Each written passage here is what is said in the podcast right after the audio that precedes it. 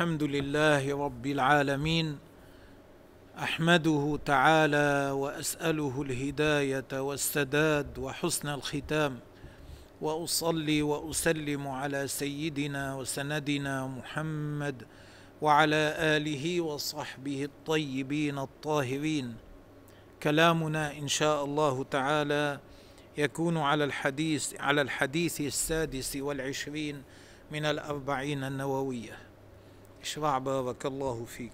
الحديث السادس والعشرون عن أبي هريرة رضي الله عنه أنه قال قال رسول الله صلى الله عليه وسلم كل سلامة كل سلامة بضم السين وتخفيف اللام وجمعه سلاميات أي كل الأعضاء والمفاصل.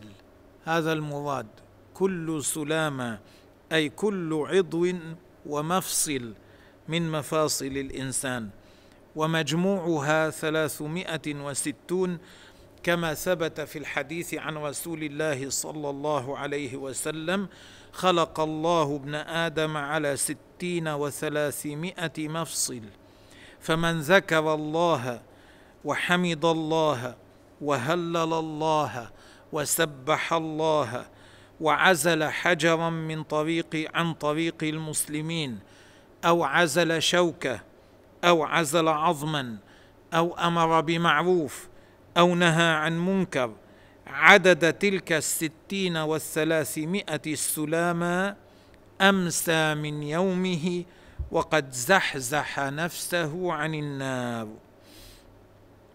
وعند البزار وغيره على كل ميسم من الإنسان صدقة والميسم العضو. هذه الكلمة مأخوذة من الوسم الوسم معناه العلامة وذلك لأن كل عظم وكل عرق وكل عصب من الإنسان عليه أثر صنع الله تبارك وتعالى ولذلك سم سمي ميسما. اذا على كل سلامة. كل سلامة آه كل سلامة نعم. كل سلامة من الناس. أي مما للناس كل سلامة مما للناس نعم. كل سلامة من الناس عليه صدقة. يعني على كل واحد صدقة بعدد كل مفصل وعضو. لهذا الإنسان. ينبغي لكل إنسان أن يعمل صدقات كل يوم بعدد ما له من المفاصل والأعضاء. ثلاث ثلاثمائة وستين. أن يعمل ثلاثمائة وستين. فاللائق لأن لأن العبد قد جعل الله تعالى له هذه المفاصل والأعضاء نعما أنعمها الله تبارك وتعالى عليه فيليق بالعبد الا يترك واحدا منها إلا وقد عمل صدقة عمل خير مقابله. شكرا لله تبارك وتعالى على ما من به عليه لأن هذه الأعضاء مما يسأل العبد في الآخرة عن شكرها يسأل يوم القيامة عن شكرها ثم لتسألن يومئذ عن النعيم. فهذه من نعم الله تبارك وتعالى يسأل العبد هل قام بشكرها أو لم يقم بشكرها. مم. كل يوم تطلع فيه الشمس. يعني كل يوم يعيشه الإنسان من أيام الدنيا يعدل بين الاثنين صدقة. إذا عدل فيه بين اثنين متخاصمين أو متحاكمين أو متهاجرين بصلح جائز لا يحل حراما ولا يحرم حلالا يكون له بذلك صدقة. بل هذا من أفضل الصدقات أن يصلح بين المسلمين لأن الفس لأن فساد ذات البين جاء في الحديث هي الحالقة الحالقة التي تحلق الدين أعاذنا الله تعالى من ذلك مم. ويعين الرجل في دابته يعين الرجل الرجل في دابته كيف؟ نعم. فيحمله عليها. مثلا يركبه عليها يحتاج إلى إعانة ليركبها. يعينه على ذلك. أو يرفع له عليها متاعه صدقة. يرفع أو يرفع له عليها متاعه صدقة يعني أو يعينه لرفع متاعه على دابته. هذا يكون له فيه صدقة. وكذلك ما شابهه في أيامنا. نعم. والك... ويدل على أن الفضل موجود في إعانة الأقارب وفي إعانة الأباعد لأنه جاء في الحديث يعين الرجل رجلا. أي رجل؟ هنا المراد بالرجل أي رجل؟ لله تعالى. مم. والكلمة الطيبة صدقة. ك- وهذا سبق الكلام فيه. نعم. وبكل خطوة يمشيها إلى الصلاة صدقة. الخطوة بفتح الخاء اسم للمرة الواحدة وبضم الخاء اسم لما بين القدمين. يجوز هنا الفتح والضم يجوز أن يقال وبكل خطوة وبكل خطوة. كلاهما صحيح. يمشيها يمشي بها يعني إلى الصلاة ونحو ذلك من سائر الطاعات صدقة. وجاء في صحيح مسلم أن بني سلمة كانوا في ناحية من المدينة أرادوا أن يقتربوا أن ينقلوا بيوتهم مساكنهم إلى ناحية أقرب إلى المسجد. فأنزل الله تعالى إنا نحن إنا نحن نحيي الموتى ونكتب ما قدموا وآثارهم. فدعاهم رسول الله. صلى الله عليه وسلم إليه. وقال لهم دياركم تكتب آثاركم. الزموا دياركم حيث أنتم حتى تكتب خطواتكم إلى المسجد. حيث أنتم خطواتكم أكثر فيكون لكم ثواب أكبر في ذهابكم إلى المسجد. فلزموا حيث هم عند ذلك ولم ينتقلوا إلى حيث أرادوا. نعم. ويميط الأذى عن الطريق صدقة. يميط الأذى يزيل الأذى ما يؤذي المسلمين من الطريق من شوكة حجر نجاسة أو غير ذلك. يكون له صدقة. وهذه الخصلة ذكرت بعد ما قبلها لأن ما قبلها أفضل منها. بيانا لكون ما قبلها أفضل منها.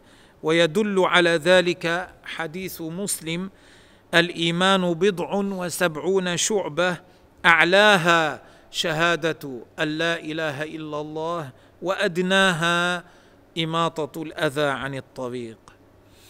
وأولى من إماطة الأذى عن الطريق إماطة الظالم من طريق الحق عند الاستطاعة كما لا يخفى.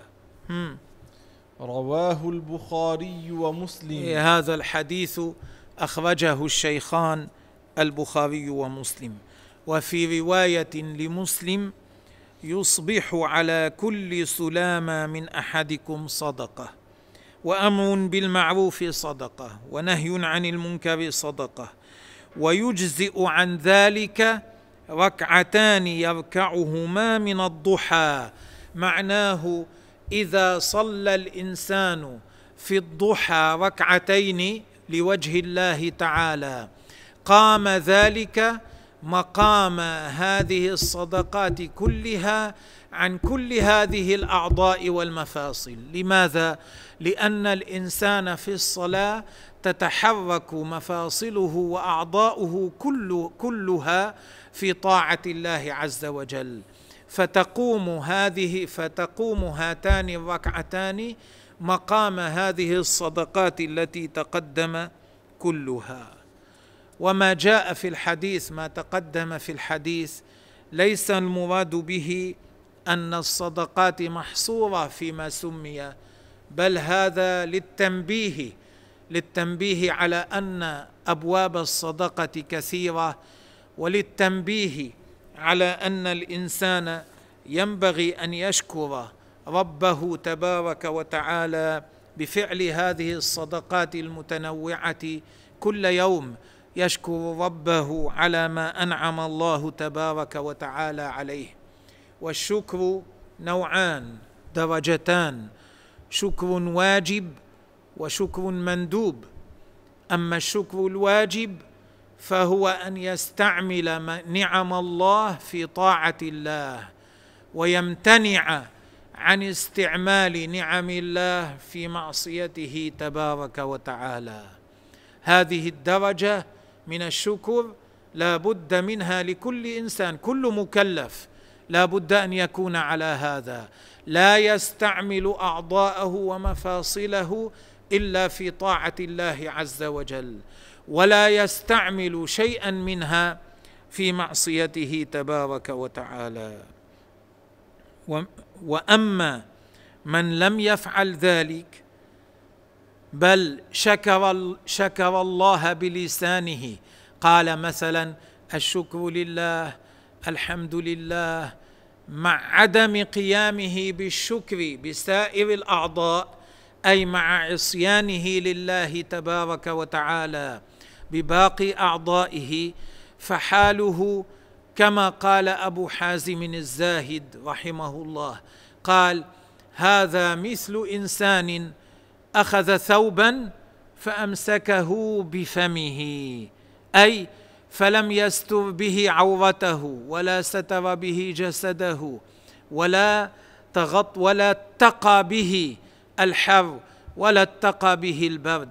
وهكذا الإنسان الذي يقول بلسانه الشكر لله الحمد لله مع عصيانه لله تبارك وتعالى ووقوعه في معصية الله عز وجل بيده وبرجله وب وبفمه وبعينيه وببطنه ونحو ذلك فإن هذا لا يكون قد أدى الشكر الواجب لله تبارك وتعالى وإنما هذا الإنسان مقصر غاية التقصير مقصر تقصيرا كبيرا في شكر الله تبارك وتعالى. إنما الشكر الواجب الا يستعمل نعم الله إلا في طاعة الله أن, يست... أن لا يستعملها في معصيته تبارك وتعالى. ثم هناك درجة ثانية. هي الشكر المندوب الشكر المستحب الزائد على الشكر الواجب وهو أن يستعمل الإنسان نعم الله بعد أداء الفرائض واجتناب المحرمات بنوافل الطاعات. وهذه درجة السابقين المقربين. وهي التي أرشد إليها النبي عليه الصلاة والسلام في أغلب ما ذكره في هذا الحديث المتقدم. وإنما قلنا الأغلب لأن الأمر بالمعروف والنهي عن المنكر فرض كفاية كما سبق أن شرحنا. وعلى هذا كان نبينا محمد عليه الصلاة والسلام. فإنه كان يقوم في الصلاة حتى تتورم قدماه. فيقال له يا رسول الله تفعل هذا وقد غفر الله لك ما تقدم من ذنبك وما تأخر. فكان يقول أفلا أكون عبدا شكورا؟ ألا أقوم بشكر الله تبارك وتعالى بالأعضاء والنعم التي أعطاني الله تبارك وتعالى إياها؟ أسأل الله أن يوفقنا لشكره الشكر الواجب والشكر المندوب والا يجعلنا ممن يضيع ما أنعم الله تبارك وتعالى به علينا من نعم في البدن ونعم في المال ونعم في الولد. والله تبارك وتعالى أعلم وأحكم.